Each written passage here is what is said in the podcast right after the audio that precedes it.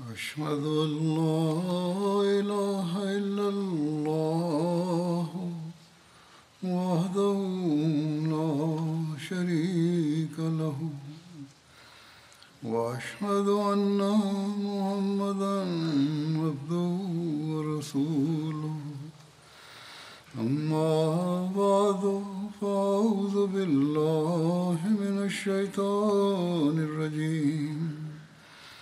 بسم الله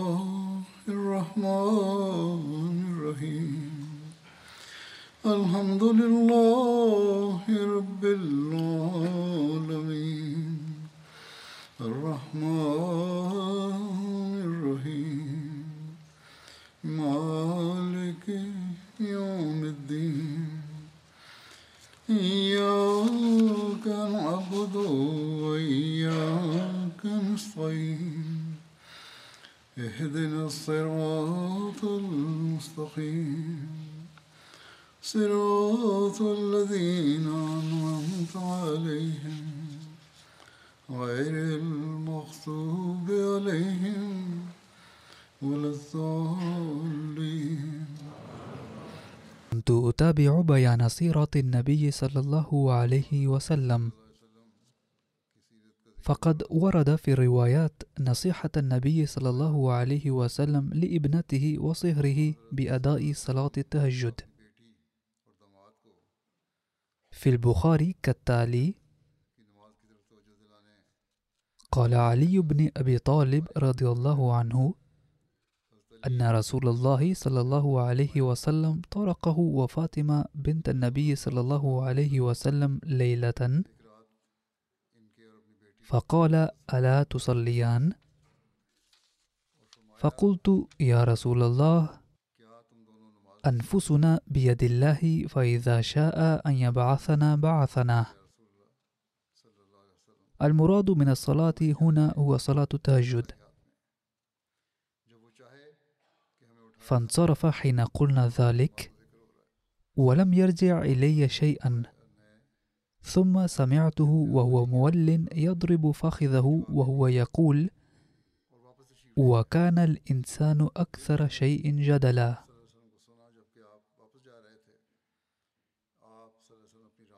لقد بين سيدنا المصلح الموعود رضي الله عنه تفصيل هذا الحدث كالتالي فقد قال حدث مرة أن رسول صلى الله عليه وسلم ذهب إلى بيت صهره علي رضي الله عنه وابنته فاطمة. فسألهما ما إذا كانا يصليان ليلا؟ فقال له علي يا رسول الله نسعى لذلك.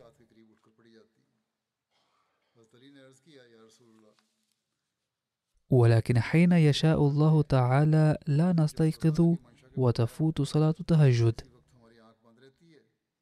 فقال لهما النبي صلى الله عليه وسلم عليكم بصلاة التهجد. ثم تولى وكان يكرر في الطريق وكان الإنسان أكثر شيء جدلا. وهي آية قرآنية تعني أن الإنسان يتردد في الاعتراف بخطئه. ويحاول الاحتجاج بأدلة متنوعة ليبرر تقصيره. يعني بدلا من أن يقول علي وفاطمة رضي الله عنهما أننا نقصر في بعض الأحيان لماذا قالوا إن الله إذا شاء ألا نستيقظ فنبقى نائمين؟ ولماذا نسبوا خطأهم إلى الله عز وجل؟ ثم فصل ذلك سيدنا المصلح الموعود رضي الله عنه في موضع آخر أكثر فقال يروي علي رضي الله عنه حادثا حدث معه ويثبت منه أن عليا رضي الله عنه رد ذات مرة على النبي صلى الله عليه وسلم بأسلوب ينم عن المحاججة والمجادلة فلم يسخط عليه النبي صلى الله عليه وسلم بل اختار أسلوبا لطيفا جدا. لعل علي ظل يستمتع به في الأيام الأخيرة من حياته. المتعة التي حظي بها علي كانت من نصيبه. ولكن اليوم أيضا كل إنسان ذي نظرة دقيقة عندما يتأمل في أسلوب النبي صلى الله عليه وسلم لإظهار عدم رضاه يستغرب من ذلك أيما استغراب. يقول علي كرم الله وجهه إن رسول الله صلى الله عليه وسلم طرقه وفاطمة الزهراء بنت النبي صلى الله عليه وسلم ليلة فقال ألا تتهجدان؟ فقلت يا رسول الله أنفسنا بيد الله فإذا شاء أن يبعثنا بعثنا. فانصرف حين قلنا ذلك ولم يرجع إلي شيئا. ثم سمعته وهو مول يضرب فخذه وهو يقول وكان الإنسان أكثر شيء جدلا. سبحان الله. ما أجمله من أسلوب فهم به علي رضي الله عنه أنه لم يكن مناسبا لك أن ترد هكذا. لو كان هناك أحد غيره صلى الله عليه وسلم لبدأ بالجدال قائلا انظر إلى مكانتي ثم انظر إلى جوابك هل يحق لك أن ترد كلامي هكذا؟ وإن لم يفعل ذلك لجادله على الأقل قائلا إن قولك هذا بأن الإنسان مسير وأعماله كلها بيد الله يديرها كما يشاء ويوفقه للصلاة إذا شاء ولا يوفقه إن لم يشاء. ليس صحيحا. وبأن مسألة الإكراه تخالف القرآن الكريم. فكان يمكن أن يقول النبي صلى الله عليه وسلم ذلك. إلا أنه لم يختر أيا من هذين الأسلوبين. أي لم يسخط على علي رضي الله عنه ولم ينبهه على خطئه بأسلوب المجادلة بل تنحى إلى جانب ثم أظهر استغرابه على جوابه وقال بأن الإنسان شأنه غريب إذ يستخرج من كل شيء ما يفيد موقفه ويبدأ بالمجادلة. الحق أن اكتفاء النبي صلى الله عليه وسلم بهذا القدر كان يضم في طياته منافع لم يكن لمئات المجادلات من شخص آخر أن تبلغ عشر معشاره. نتعلم من هذا الحديث أمورا كثيرة. ثم حلل حضرته ما هي الأمور التي تلقي الضوء على الجوانب مختلفة لأخلاق النبي صلى الله عليه وسلم وأرى من المناسب ذكرها هنا. أولا يتضح كيف كان النبي صلى الله عليه وسلم مهتما بالجانب الديني إذ كان يتجول ليلا ليتفقد أحوال أقربائه. هناك أناس كثيرون يكونون صالحين بأنفسهم وينصحون الآخرين أيضا بالتقوى ولكن حالة بيتهم تكون سيئة ولا يقدرون على أن يصلحوا أهل بيتهم. وعن هؤلاء هناك مثل معناه تحت السراج ظلام أي أن السراج ينور ما حوله ولكن يبقى ما تحته مظلما. كذلك إن هؤلاء الناس ينصحون الآخرين ولا يفكرون ببيتهم إن كانوا يستفيدون من نورهم أم لا. ولكن النبي صلى الله عليه وسلم كان كثير الانتباه إلى تنوير أقربائه بنوره الذي كان يريد أن ينور به العالم. فكان يهتم بذلك ويتفقد حالة أقربائه ويفحصهم أيضا. إن تربية الأقارب مزية سامية لو لم توجد فيه نبي صلى الله عليه وسلم لنقص من أخلاقه شيء ثمين. لكن لما كان النبي صلى الله عليه وسلم حائزا على أسمى الأخلاق لذا كان هذا الجوهر أيضا موجودا فيه.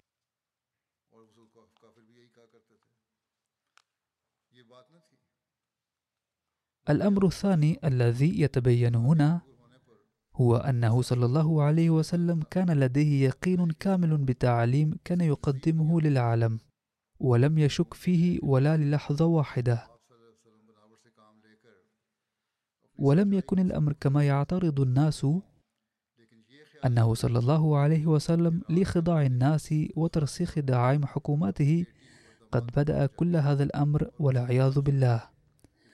فهذا ما يعترض عليه معارض الإسلام أنه لم يكن يتلقى الوحي وهذا ما يكتبه كثير من المستشرقين وهذا ما كان يقوله الكفار في ذلك العصر. ولكن كل هذه المزاعم باطلة بل كان قلبه صلى الله عليه وسلم مطمئنا وموقنا أنه رسول الله والمبعوث منه لدرجة أنه لا يوجد نظيره في العالم. لأنه من الممكن أن يثبت صدقه للناس بتصنع ولكن لا يمكن أن يتصور أحد أن يذهب المرء إلى بيت ابنته وصهره ويسألهما هل يقومان بعبادة ليست فرضا عليهما. بل ترك الله تعالى أداءها على ظروف المؤمنين الخاصة بهم. ويؤديها المرء عند منتصف الليل. فذهاب النبي صلى الله عليه وسلم في هذا الوقت وترغيبه ابنته وصهره في صلاة التهجد يدل على يقينه الكامل بصدق تعليم كان يريد من الناس أن يعملوا به. وإلا فالمفتري الذي يعلم أن العمل بهذا التعليم وعدمه سيان لا يمكنه أن ينصح أولاده للعمل به في السر والخفاء. فهذا لا يمكن حدوثه إلا إذا كان قلب المرء مليئا باليقين أن الكمالات لا تنال إلا بالعمل بهذا التعليم.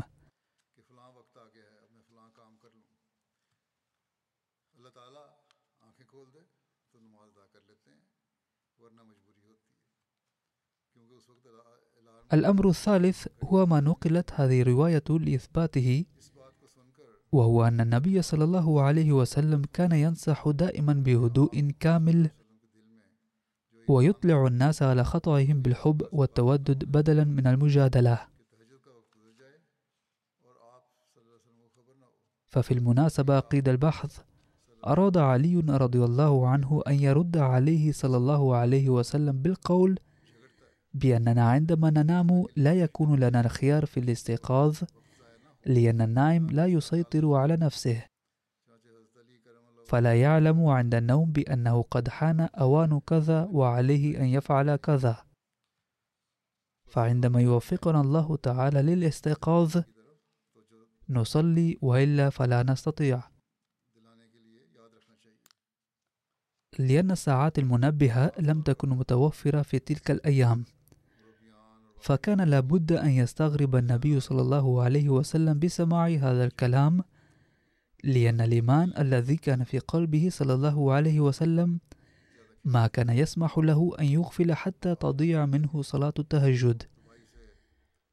فقال النبي صلى الله عليه وسلم معرضا وجهه إلى جانب آخر كان الإنسان أكثر شيء جدلا. أي كان عليكما أن تهتما بأن لا يضيع وقتكما في المستقبل. ولم يكن مناسبا الرفض بهذه الطريقة. يقول علي رضي الله عنه أنه لم تفته صلاة التهجد بعد ذلك. يجب أن نتذكر هذه الواقعة للانتباه إلى صلاة التهجد وخاصة على الدعاة وواقف الحياة والمسؤولين في الجماعة. إنها أدعية الليالي التي تجلب أفضال الله تعالى أكثر. وثم حاجة لها في هذه الأيام خاصة لإنقاذ العالم من الدمار. ثم يأتي ذكر غزوة بني قينقاع في الأحداث التي حدثت في العام الثاني للهجرة. ورد عنها بعد هجرة النبي صلى الله عليه وسلم إلى المدينة المنورة لم يعد حال كفار العرب كما كان. فهم انقسموا إلى ثلاث فئات ومنهم من صالحهم النبي صلى الله عليه وسلم على ألا يقاتلوه ولا يعينوا عليه عدوه. الذين عقدوا هذا الاتفاق هم قبائل اليهود الثلاثة بنو قريظة وبنو نضير وبنو قينقاع. والآخرون هم الذين قاتلوا النبي صلى الله عليه وسلم عداوة وهم كانوا قريشا. والفئة الثالثة هم الذين تركوا النبي صلى الله عليه وسلم ينتظرون نهاية النبي صلى الله عليه وسلم وهم قبائل العرب ولم يكن حالهم سواسية. فقد كان منهم من يريد في قلبه أن ينتصر المسلمون. مثل بني خزاعة. وكان حال بعض الناس عكس ذلك مثل بني بكر. وكان هناك بعض الناس الذين كانوا مع المسلمين في الظاهر ولكنهم في الباطن كانوا مع أعداء المسلمين. وكان هؤلاء المنافقين. ولما قدم النبي صلى الله عليه وسلم المدينة عاهد اليهود جميعا. عقد اتفاقية خطية معهم. انضم كل قوم إلى حليفهم. والآن كتب صلى الله عليه وسلم وثيقة السلام بينه وبينهم. وفرض عليهم شروطا كثيرة. وكان من هذه الشروط ألا يعينوا عليه عدوا. هذه كانت اتفاقية. والآن أذكر بعض الأشياء من التاريخ عن فتنة بني قينقاع يقول فيها ابن إسحاق.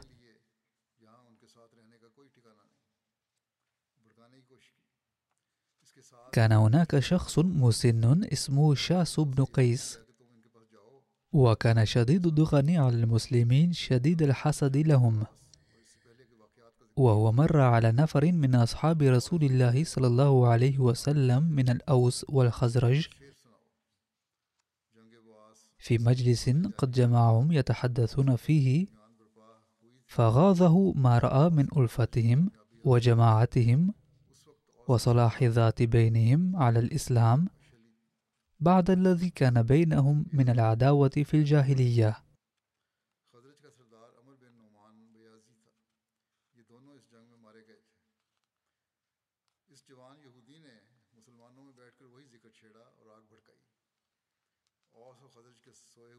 فقال قد اجتمع ملأ بني قيلة بهذه البلاد سمى رؤساء الأوس والخزرج بني قيلة لا والله ما لنا معهم إذا اجتمع ملأهم بها من قرار أراد أن يحرضهم فأمر فتى شابا من يهود كان معهم فقال اعمد إليهم فاجلس معهم ثم أذكر يوم بعاث وما كان قبله وأنشدهم بعض ما كانوا تقاولوا فيه من الأشعار.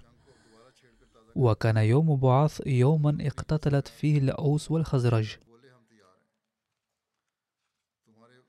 وكان الظفر فيه يومئذ الخزرج. وكان على الأوس يومئذ حضير بن سماك الأشهلي أبو أسيد وعلى الخزرج عمرو بن النعمان البياضي فقتل جميعا. فجلس ذلك الشاب اليهودي بين المسلمين وذكر يوم بعاث وأشعل نار الفتنة واشتعلت المشاعر الخامدة لبني الأوس والخزرج. فتكلم القوم عند ذلك وتنازعوا وتفاخروا حتى تواثب رجلان من الحيين على ركب أوس بن قيضي من الأوس والجبار بن صخر من الخزرج. فتقاولا ثم قال أحدهما لصاحبه إن شئتم رددناها الآن جذعة. فغضب الفريقان جميعا وقالوا قد فعلناه كانوا قد أسلموا ومع ذلك أبدوا تصرف الجاهلية هذا. وقالوا موعدكم ظاهرة الحرة. حرة المدينة هي حرة بين حرتين والحرة هي الأرض الصخرية السوداء. وفي جهة الشرق حرة عقم وتسمى أيضا حرة بني قريظة. والأخرى هي حرة الوبرة. وهي على بعد ثلاثة أميال غرب المدينة المنورة. نحو الشرق حرة عقم وتسمى أيضا حرة بني قريظة. والثانية حرة الوبرة وهي نحو الغرب. واحد إلى الشرق وواحد إلى الغرب. وبين الحرات الثلاثة ثلاثة أميال. ومع ذلك ثار الضجيج السلاح السلاح. وبعد ذلك اشتد الوضع وبدا الفريقان يستعدان للحرب فخرجوا إلى الحرة بحسب الموعد. وكادت أن تنشب الحرب ولكن الله قدر أنه بلغ ذلك رسول الله صلى الله عليه وسلم فخرج إليهم في من معه من أصحابه المهاجرين حتى جاءهم فقال بحكمة يا معشر المسلمين الله الله. أبدعوى الجاهلية وأنا بين أظهركم بعد أن هداكم الله للإسلام وأكرمكم به وقطع به عنكم أمر الجاهلية واستنقذكم به من الكفر وألف به بين قلوبكم. ومع ذلك تفعلون هذا؟ وكان لكلام رسول الله صلى الله عليه وسلم تأثير كبير فيهم حتى شعروا بالندم وبكوا وعانقوا الرجال من الأوس والخزرج بعضهم بعضا. ثم انصرفوا مع رسول الله صلى الله عليه وسلم سامعين مطيعين. وهذا التفصيل ورد في سيرة ابن هشام.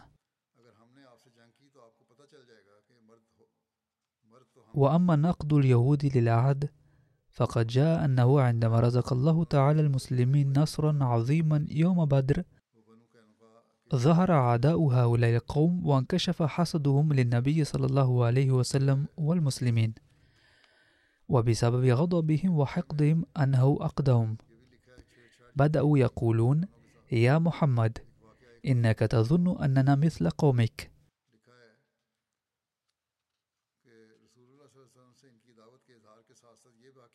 فلا تغرن نفسك لأنك قاتلت قوما لا يعرفون الحرب. وانتصرت عليهم. أي أشاروا إلى غزوة بدر وقالوا لقد هزمتم كفار مكة ولسنا مثلهم. نحن شجعان للغاية. والله لئن قاتلنكم لتعلمون أننا رجال. وأول من نقد العهد وخان من قبائل اليهود الثلاثة هم يهود بني قينقاع. ووردت أيضا عن شرهم واقعة تدل على تحرش بالمسلمين وهي واقع لامرأة مسلمة فإنه مع ما هم عليه من العداوة لرسول الله صلى الله عليه وسلم. قدمت زوجة أحد الأنصار بجلب لها أي وهو ما يجلب ليباع من إبل وغنم وغيرهما فباعته بسوق بني قينقاع. وجلست إلى صائغ منهم لتشتري بعض الحلي. وكانت قد غطت وجهها وجسمها فجعل جماعة من اليهود يراودونها عن كشف وجهها فأبت. فعمد صائغ إلى طرف ثوبها فعقده إلى ظهرها خلسة قال وفي رواية خله بشوكة وهي لا تشعر. فلما قامت انكشفت سوءتها فضحكوا منها فصاحت. فوثب رجل من المسلمين على صائغ فقتله وشدت اليهود على المسلم فقتلوه. فغضب المسلمون على اليهود بعد هذا الحدث. وقال النبي صلى الله عليه وسلم لهم ما على هذا أقررناهم.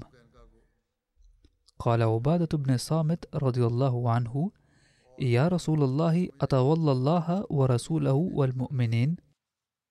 وأتبرأ من حلف هؤلاء الكفار. على أية حال حاول النبي صلى الله عليه وسلم نصيحة بني قينقاع ولكنهم شرعوا في التهديد المكشوف.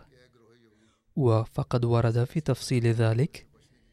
جمع النبي صلى الله عليه وسلم بني قينقاع ثم قال يا معشر اليهود احذروا من الله عز وجل. مثل ما نزل بقريش من النقمة وأسلموا فإنكم قد عرفتم أني نبي ومرسل تجدون ذلك في كتابكم وفي عهد الله إليكم. قالوا يا محمد إنك ترى أن كقومك. لا يغرنك أنك لقيت قوما لا علم لهم بالحرب. فأصبت منهم فرصة إن والله لئن حاربتنا لتعلمن أنا نحن الناس. وفي رواية أخرى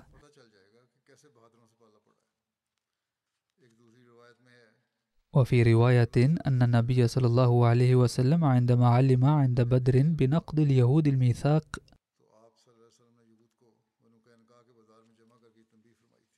جمعهم النبي صلى الله عليه وسلم في سوق بني قينقاع وحذرهم وردوا بما سبق وردوا على تنبيهه.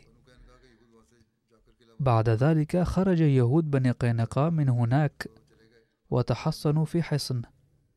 وعندما فعلوا ذلك خرج النبي صلى الله عليه وسلم إليهم واستخلف على المدينة أبا لبابة.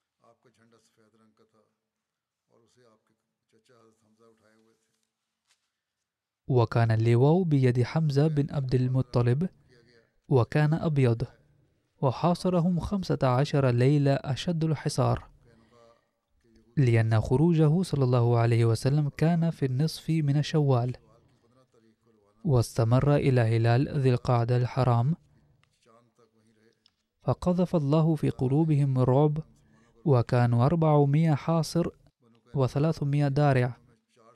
فسألوا رسول الله صلى الله عليه وسلم أن يخلي سبيلهم وأن يجلوا من المدينة أي يخرج منها وأن لهم نساؤهم والذرية وله صلى الله عليه وسلم الأموال أي ومنها الحلقة التي هي السلاح.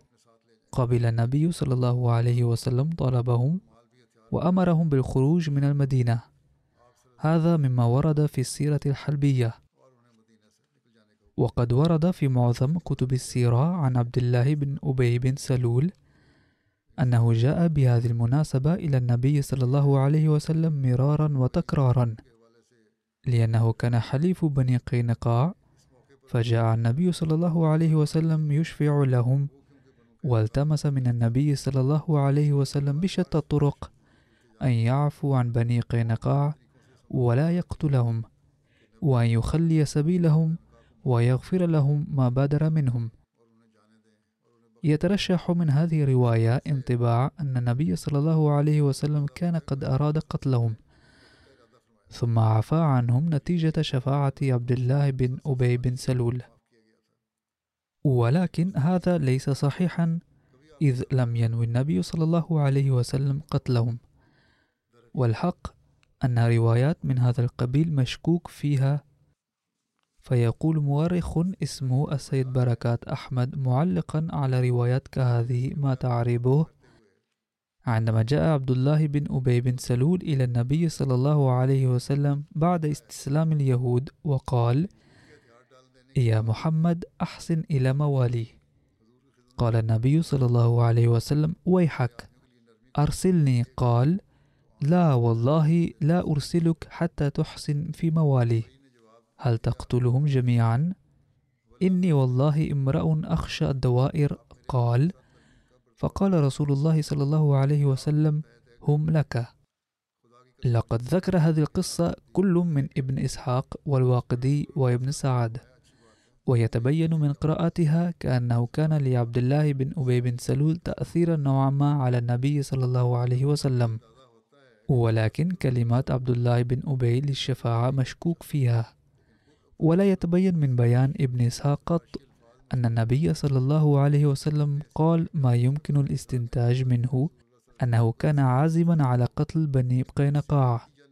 أما الواقدي فيشير إلى ذلك وهذا ما عاده ابن سعد أيضا. ولكن يجب أن نتذكر بهذه المناسبة أنه مع أن النبي صلى الله عليه وسلم كان زعيما سياسيا أيضا ولكنه ما كان يعامل الأعداء بالقسوة دون مبرر قط. وكان يكره العنف وكلما خاض الحرب فقد فعل ذلك مضطرا. وفي ميدان الحرب أيضا كان يتحاشى سفك الدماء دون سبب. إذا فقد تمت المحاصرة وطلب المحاربون الملاذ فأجلي بنو قينقاع.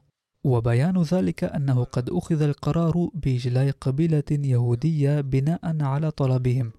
ووكل صلى الله عليه وسلم بإجلائهم عبادة بن صامت رضي الله عنه وأمهلهم ثلاثة أيام فجلوا منها بعد ثلاث. وقيل إنهم سألوا عبادة بن صامت أن يمهلهم فوق الثلاث. فقال لا ولا ساعة واحدة. وتولى إخراجهم. وذهبوا إلى ذريعات بلدة بالشام. وقيل إنه صلى الله عليه وسلم وكل محمدا بن مسلمة لإجلائهم. ومن الممكن أن يكون كلاهم قد وكل بهذه المهمة. ووجد صلى الله عليه وسلم في منازل اليهود سلاحا كثيرا. أي لأنهم كما تقدم كانوا أكثر أموالا وأشدهم بأسا. وأخذ رسول الله صلى الله عليه وسلم من سلاحهم ثلاث قصي قوسا يدعى الكتوم وقوسا يدعى روحاء وقوسا يدعى البيضاء. علما أن الكتوم انكسر يوم أحد. وأخذ درعين درعا يقال له سغدية والأخرى يقال لها فضة. وثلاث أرماح وثلاثة أسياف. سيف يقال له قلعي وسيف يقال له بتار والآخر لم يسمى. هذا مما ورد في السيرة الحربية. وقد ورد في سيرة خاتم النبيين عن غزوة بين قينقاع عندما هاجر النبي صلى الله عليه وسلم من مكة إلى المدينة كانت تسكنها ثلاثة قبائل يهودية وهي بنو قينقاع وبنو النضير وبنو قريظة. وفور مجيئه إلى المدينة أبرم النبي صلى الله عليه وسلم مواثيق الصلح مع هذه القبائل وبذلك وضع أساس العيش المتبادل بالأمن والصلح. وبحسب الميثاق كان الفريقان مسؤولان عن إقامة الأمن والسلام في المدينة. وعن التصدي معا للمهاجم إذا هاجم المدينة عدو من الخارج. في البداية التزم اليهود بالميثاق ولم يخاصموا المسلمين في الظاهر على الأقل ولكن لما رأوا أن المسلمين حائزون على قوة أكثر في المدينة تغير سلوكهم وعزموا على إيقاف قوة المسلمين المتزايدة. ولهذا الغرض استخدموا كل كيد وحيلة لدرجة لم يدخروا جهدا في خلق الفرقة بين المسلمين وخلق أجواء الحرب الأهلية فيهم. فقد ورد في رواية أن رجالا كثيرين من قبيلة الأوس والخزرج كانوا جالسين معا بمناسبة ويتحدثون فيما بينهم بالحب والوئام. فوصل إلى المجلس بعض الفتانين من اليهود وشرعوا بذكر حرب البعاث علما أن هذه الحرب كانت خطيرة جدا نشبت بين القبيلتين المذكورتين قبل الهجرة ببضعة أعوام. وقتل فيها عدد كبير من الأوس والخزرج كما ذكر من قبل بالتفصيل. وبذكر هذه الحرب حييت ذكرياتها في قلوب بعض الناس المتحمسين ودارت أمام أعينهم مشاهد العداوة السابقة. فكانت النتيجة أن الحديث تجاوز النزاع اللفظي وتبادل الطعن ووصل إلى سل السيوف بين المسلمين في المجلس نفسه. ولكن النبي صلى الله عليه وسلم لحسن الحظ اطلع على الوضع قبل فوات الأوان فسارع إلى مكان الحادث مع جماعة من المهاجرين وهدأ الفريقين ثم لامهم قائلا كيف تعودون إلى الجاهلية وأنا بين ظهرانكم؟ ولا تقدرون نعمة الله عليكم إذ جعلكم بالإسلام إخوانا. فتأثر الفريقان من الأنصار بنصحه حتى سالت الدموع من عيونهم فتابوا عن سوء تصرفهم وتعانقوا. بعد معركة بدر التي كتب الله فيها بفضله للمسلمين رغم قلة عددهم وعتادهم فتحا ساحقا على جيش كبير جرار لقريش وأرغم أنوف كبار زعماء مكة. اشتعل يهود المدينة حسدا وكمدا وبدأوا ينازعون المسلمين علنا ويقولون في المجال صراحة إلحاق الهزيمة بجنود قريش ليس صعبا. لو أن محمدا صلى الله عليه وسلم حاربنا فسوف نريه كيف يكون القتال. حتى إنهم تفوهوا بمثل هذه الكلمات في وجه النبي صلى الله عليه وسلم في أحد المجالس.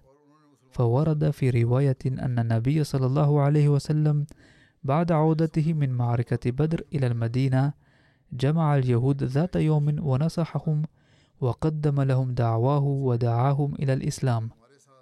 فرد رؤساء اليهود على هذا العرض الذي ملؤه السلم والمواساة بأن قالوا يا محمد لا يغرنك قتلك بعضا من قريش.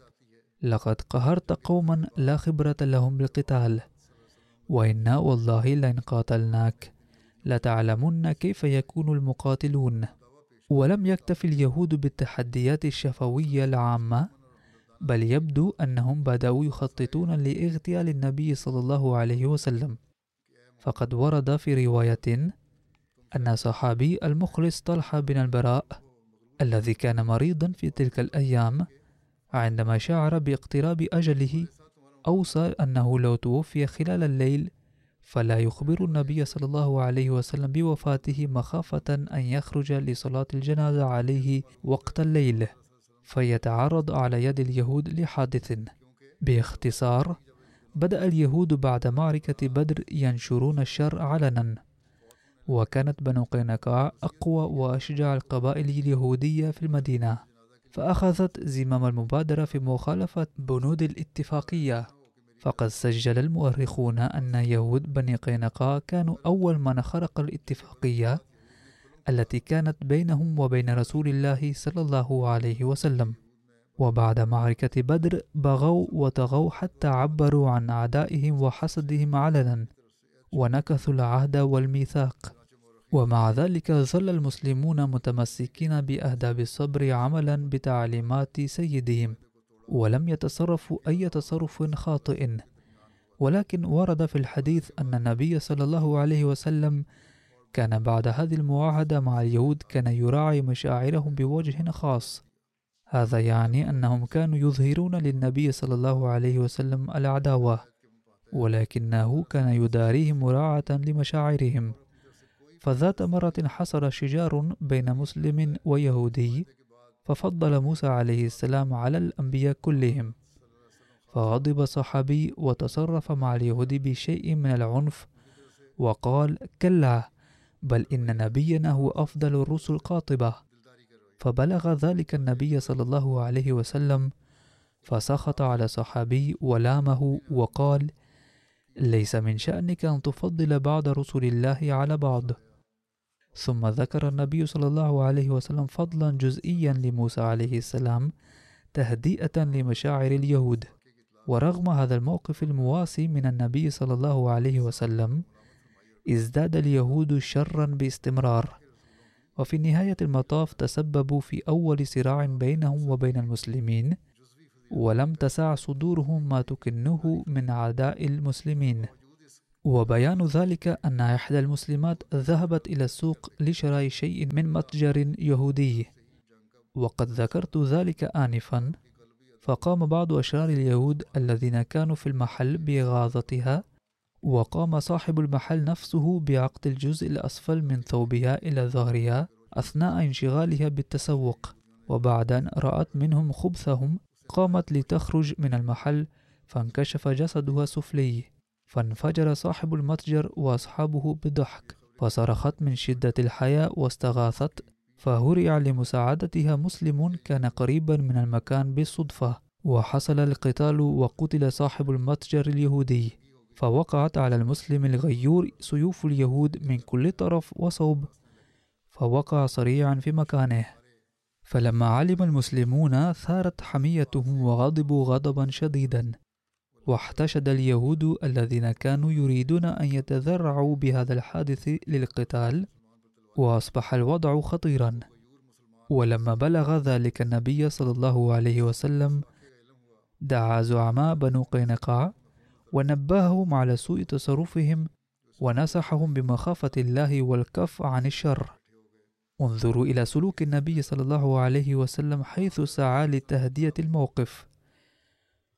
ولكنهم بدلا من أن يتأسفوا ويندموا ويطلبوا العفو ردوا عليه بغطرسة وتمرد. وكرروا تحديهم السابق بأن لا يغتر بانتصاره في بدر. وأنه سيعلم عند اشتباكه معهم كيف يكون المقاتلون. فاضطر النبي صلى الله عليه وسلم للمسير إلى حصون بني قينقاع مع جماعة من الصحابة. وكان هذه آخر فرصة عند اليهود لكي يندموا على تصرفهم. ولو أنهم طلبوا العفو لانتهى الأمر. ولكن تبين هنالك أنهم يريدون القتال. باختصار أعلنت الحرب وبرزت قوى الإسلام واليهودية وجها لوجه للقتال. وكان من أساليب القتال السائدة في تلك الأيام أن الناس كانوا يحتمون بقلاعهم وكان العدو يحاصرهم وكانت تتخلل في أثناء الحصار هجمات بين الطرفين وبعد مرور الأيام كان الجيش المحاصر للقلعة ييأس من فتحه فيرفع الحصار. وكان هذا يعد نصرا لأصحاب القلعة.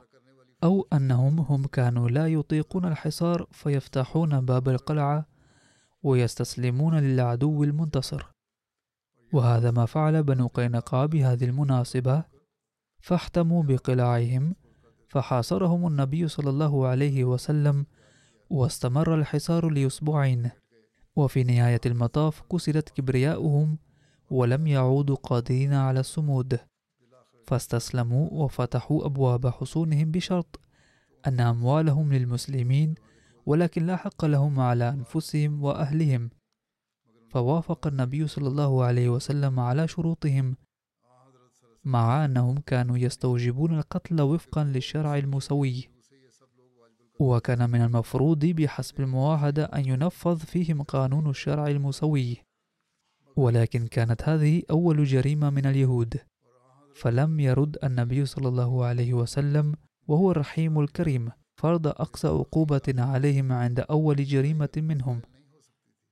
إلا أن بقاء مثل هذه القبيلة المعادية والغادرة في المدينة المنورة كان أمرا لا يخلو من الخطر. لا سيما في وقت كان فيه فريق من المنافقين من الأوس والخزرج موجودين سلفا داخل المدينة. وكانت كل القبائل العربية المعادية قد ضيقت الخناق على المسلمين في المدينة من خارجها. فكان القرار النبوي الملائم في ظل هذه الظروف هو جلاء بنو قينقاع من المدينة المنورة. وكانت هذه العقوبة خفيفة جدا نظرا إلى جريمتهم وإلى الظروف السائدة عندها. كما كانت الهدف منها الدفاع عن النفس أيضا. وإلا فإن الترحيل لم يكن بالعقوبة عند أي العرب الرحل وخصوصا عندما لا تكون القبيلة تمتلك أي أرض أو بستان كما كان حال بني قينقاع حيث لم تكن لهم عقارات أو أراض أو بساتين كما تجد القبيلة كلها فرصة الانتقال من مكان إلى آخر في سلام وأمان والاستيطان هناك. فخرجت قبيلة بنو قينقاع بسلام وأمان من المدينة وذهبوا ناحية الشام. وأمر النبي صلى الله عليه وسلم الصحابي عبادة بن صامت الذي كان أحد حلفاء هؤلاء اليهود بالإشراف على ترتيبات إجلائهم. فرافقهم في سلام وأمان لعدة مراحل ثم عاد إلى المدينة. والغنائم التي وقعت في أيدي المسلمين لم تكن سوى أسلحتهم وأدوات مهنتهم وهي الصياغة ورد في بعض الروايات عن بني قينقاع أنهم لما فتحوا أبواب حصونهم واستسلموا أراد النبي صلى الله عليه وسلم قتل رجالهم المقاتلين بجريرة غدرهم وتمردهم ومكايدهم. ولكن بناء على شفاعة عبد الله بن أبي بن سلول زعيم المنافقين تخلى النبي صلى الله عليه وسلم عن إرادته تلك.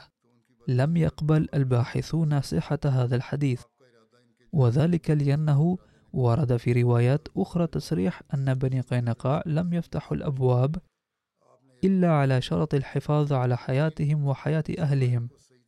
وبعد قبول هذا الشرط ما كان بوسع النبي صلى الله عليه وسلم أن يسلك مسارا آخر مناقضا لهذا الشرط إلا أن تقديم بني قينقاع شرط الحفاظ على حياتهم وحياة أهلهم يدل على أنهم أنفسهم كانوا يعتقدون أن عقوبتهم الحقيقية هي القتل ولكنهم طلبوا رحمة من النبي صلى الله عليه وسلم ولم يكونوا يريدون فتح باب حصنهم إلا بعد أخذ الوعد من النبي صلى الله عليه وسلم أنه لن يعاقبهم بالقتل.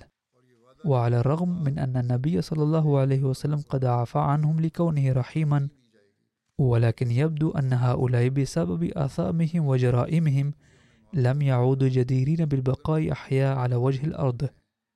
لذلك هناك رواية تقول أنهم لما سكنوا المكان الذي توجهوا إليه لم يمر عام واحد إلا وانتشر فيهم وباء خطير تعرضت له القبيلة كلها ففنوا هناك خلاف حول تاريخ غزوة بني قينقاع فقد ذكر الواقدي وابن سعد أنها وقعت في شوال سنة اثنين للهجرة وقد تابعه أغلب المؤرخين المتأخرين. ولكن ابن إسحاق وابن هشام وضعها بعد غزوة السويق التي كانت قطعا في أول شهر ذي الحجة في السنة الثانية الهجرية. وهناك إشارة في إحدى الروايات أن غزوة بني قينقاع وقعت بعد زواج فاطمة. فقد ورد في هذه الرواية أن عليا اقترح من أجل تغطية نفقات وليمة عرسه أن يأخذ معه سواغا يهوديا من بني قينقاع ويقصد الغابة فيحضر من هناك إذخر ليبيعه لسواغين في المدينة المنورة. وهذا يدل على أنه عند وقت زواج فاطمة الذي حدث في ذي الحجة من السنة الثانية للهجرة عند عامة المؤرخين كان بنو قينقاع لا يزالون في المدينة المنورة. ولهذه الأسباب يقول حضرة ميرزا بشير أحمد بأنه وضع غزوة بني قينقاع في آخر السنة الثانية للهجرة بعد غزوة السويق وزواج فاطمة. وفي هذه المناسبة لن يخلو من الفائدة أن نذكر أن السيد مارجوليس لدى الحديث عن سبب غزوة بني قينقاع اختلق من عنده أمرا غريبا وعجيبا. لم يذكر ولو بإشارة في أي من الروايات. لقد ورد في رواية في البخاري أن حمزة كان سكرانا لم يكن لم يكن شرب الخمور محظورا في ذلك الوقت. فقتل إبل علي التي لقيه من غنائم بدر. لقد قام السيد مارغوليس بربط هذه الواقعة الفريدة من دون أي دليل تاريخي بغزوة بني قينقاع. ثم قال أغزى النبي صلى الله عليه وسلم بني قينقاع من أجل تعويض خسارة علي من خلال الغنائم التي سيغتنمها. لقد قام بربط الأمر الذي لا أصل له وربما يندر نظير هذه الجرأة في التاريخ. والغريب أن السيد مارغوليس يعترف بأنه قد أضاف هذا الأمر من عند نفسه قياسا على بعض الأمور. كأنه يقول لم أجد أي مراجع ولكن أعتقد أنه حصل لي هذا السبب فحسب إذ لم يكن يرى سببا آخر لغزو تلك القبيلة سوى تعويض خسارة جملين اثنين فحسب يحمل المستشرقون أو المؤرخون غير المسلمين أفكارا غريبا فإنهم منغمسون في الكراهية والعداوة تجاه المسلمين لدرجة أنه من السهل لهم تشويه التاريخ. وهذا ما يرى في أغلب المواضع. على أي حال سنتحدث عن الباقي لاحقا إن شاء الله. أذكركم مرة أخرى بالدعاء في ظل الأوضاع الراهنة للعالم. إن عدد الشهداء من النساء والأطفال الفلسطينيين الأبرياء يتزايد نتيجة للحرب بين حماس وإسرائيل. إن ظروف الحرب تشتد بسرعة ويترشح من السياسة التي تتبعها حكومة إسرائيل والدول الكبرى أن الحرب العالمية تلوح في الأفق الآن. لقد بدأ زعماء بعض الدول الإسلامية أيضا يقولون كذلك علنا الآن. كما بدأت تقول روسيا والصين وأصبح المحللون الغربيون أيضا يقولون ويكتبون بأن نطاق هذه الحرب آخذ في الاتساع الآن. إذا لم يتم اعتماد سياسة عاجلة وحكيمة فسوف يؤدي الوضع الراهن بالعالم إلى الهلاك. كل شيء ينشر الآن في الأخبار. والأوضاع كلها أمامكم. لذلك ينبغي للأحمديين أن يصبوا اهتمامه على الدعاء خاصة. فلا تتساهلوا بل ينبغي أن تخصصوا سجدة واحدة على الأقل من كل صلاة. أو سجدة واحدة في أي صلاة على الأقل للدعاء من أجل هذا الأمر. ليس هناك رئيس لأي دولة من دول الغرب يريد أن يتعامل بالعدل في هذا الأمر. ولا يملك الشجاعة لقول أي شيء عن ذلك. وينبغي للأحمديين أن لا يخوضوا في نقاشات حول من من رؤساء الوزراء أو رؤساء الدول جيد ومن هو غير جيد. وما كان ينبغي لفلان أن يقول ذلك. وما كان يجب للمسلمين أن يتحدثوا ضده. كل هذا هراء. ما لم يسع أحد بشجاعة لوقف إطلاق النار فإنه يتحمل مسؤولية دفع العالم نحو الدمار. لذا بالإضافة إلى دعوات اسعوا جاهدين لأن تنشروا في من حولكم أنه ينبغي إيقاف الظلم. إذا كان لأي أحمدي علاقة بشخصية بارزة فليشرح له ذلك. هذه هي الشجاعة وهذا هو مقتضى العمل بأمر الله تعالى. يقول ممثل الحكومة الإسرائيلية إن حماسا قتلت أبرياءنا وسوف ننتقم. ولكن هذا الانتقام قد تجاوز كل الحدود الآن.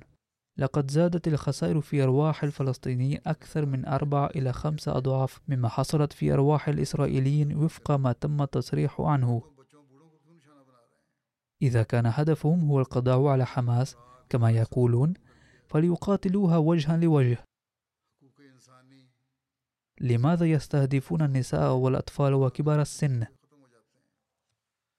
ولماذا يحرمون هؤلاء من الماء والغذاء والعلاج؟ إن جميع ادعاءات الدول الغربية المتعلقة بحقوق الإنسان ومبادئ الحرب تتبخر وتتلاشى بهذا الشأن. وهناك البعض يلفتون الانتباه إلى ذلك. فقد أعرب عنه أوباما الرئيس السابق للولايات المتحدة الأمريكية وقال إذا كنتم تريدون الحرب فيجب أن تجعلوا مبادئ الحرب نصب أعينكم. ينبغي ألا تصبوا الظلم على المدنيين. كما تحدث حول ذلك الأمين العام للأمم المتحدة فأثارت الحكومة الإسرائيلية ضجة على ذلك. وكانت النتيجة أن دعاة السلام هؤلاء والذين يزعمون أنهم بناة السلام وأبطاله في العالم لم يتحدثوا تأييدا لبيان الأمين العام بل أعربوا عن عدم إعجابهم به. على كل حال إن الأوضاع خطيرة وتزداد خطورة. والإعلام الغربي يبرز أخبار أحد الفريقين بكثرة. أما خبر الفريق الآخر فينشر في زاوية صغيرة. كانت امرأة خرجت من السجن مؤخرا. قالت إنها تلقت معاملة حسنة من حماس. فهذا الخبر نقل في زاوية. أما من قال إن سجن حماس كان جهنم فنشروه كعنوان بارز. كان العدل أن يعرضوا الأوضاع برمتها على سكان العالم ثم يتركوهم يحكمون بأنفسهم من هو الظالم ومن هو المظلوم. وأنه لأي حد تجوز هذه الحرب ومتى سوف تنتهي. فالأوضاع يجب أن تعرض كلها على العالم لا أن ينشر رأي واحد بانحياز. على كل حال علينا أن نهتم بالدعاء كثيرا. ونبذل الجهد في محيطنا لإنهاء الظلم ونركز على الدعاء أيضا.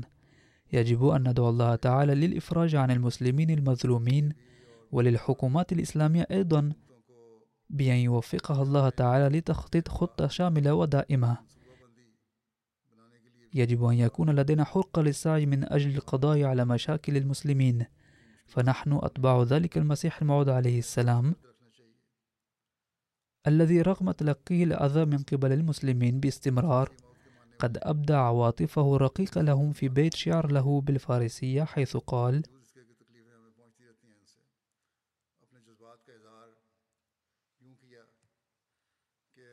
يا قلبي يجب أن تراعي وتعتني بهؤلاء وتنظر إليهم بحب فهم على كل حال يدعون حب رسولي المحبوب.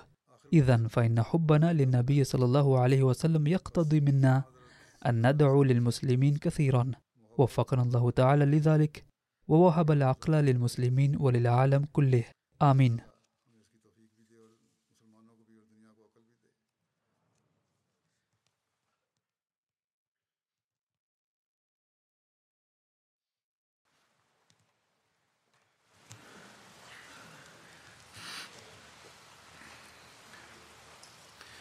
الحمد لله الحمد لله نحمده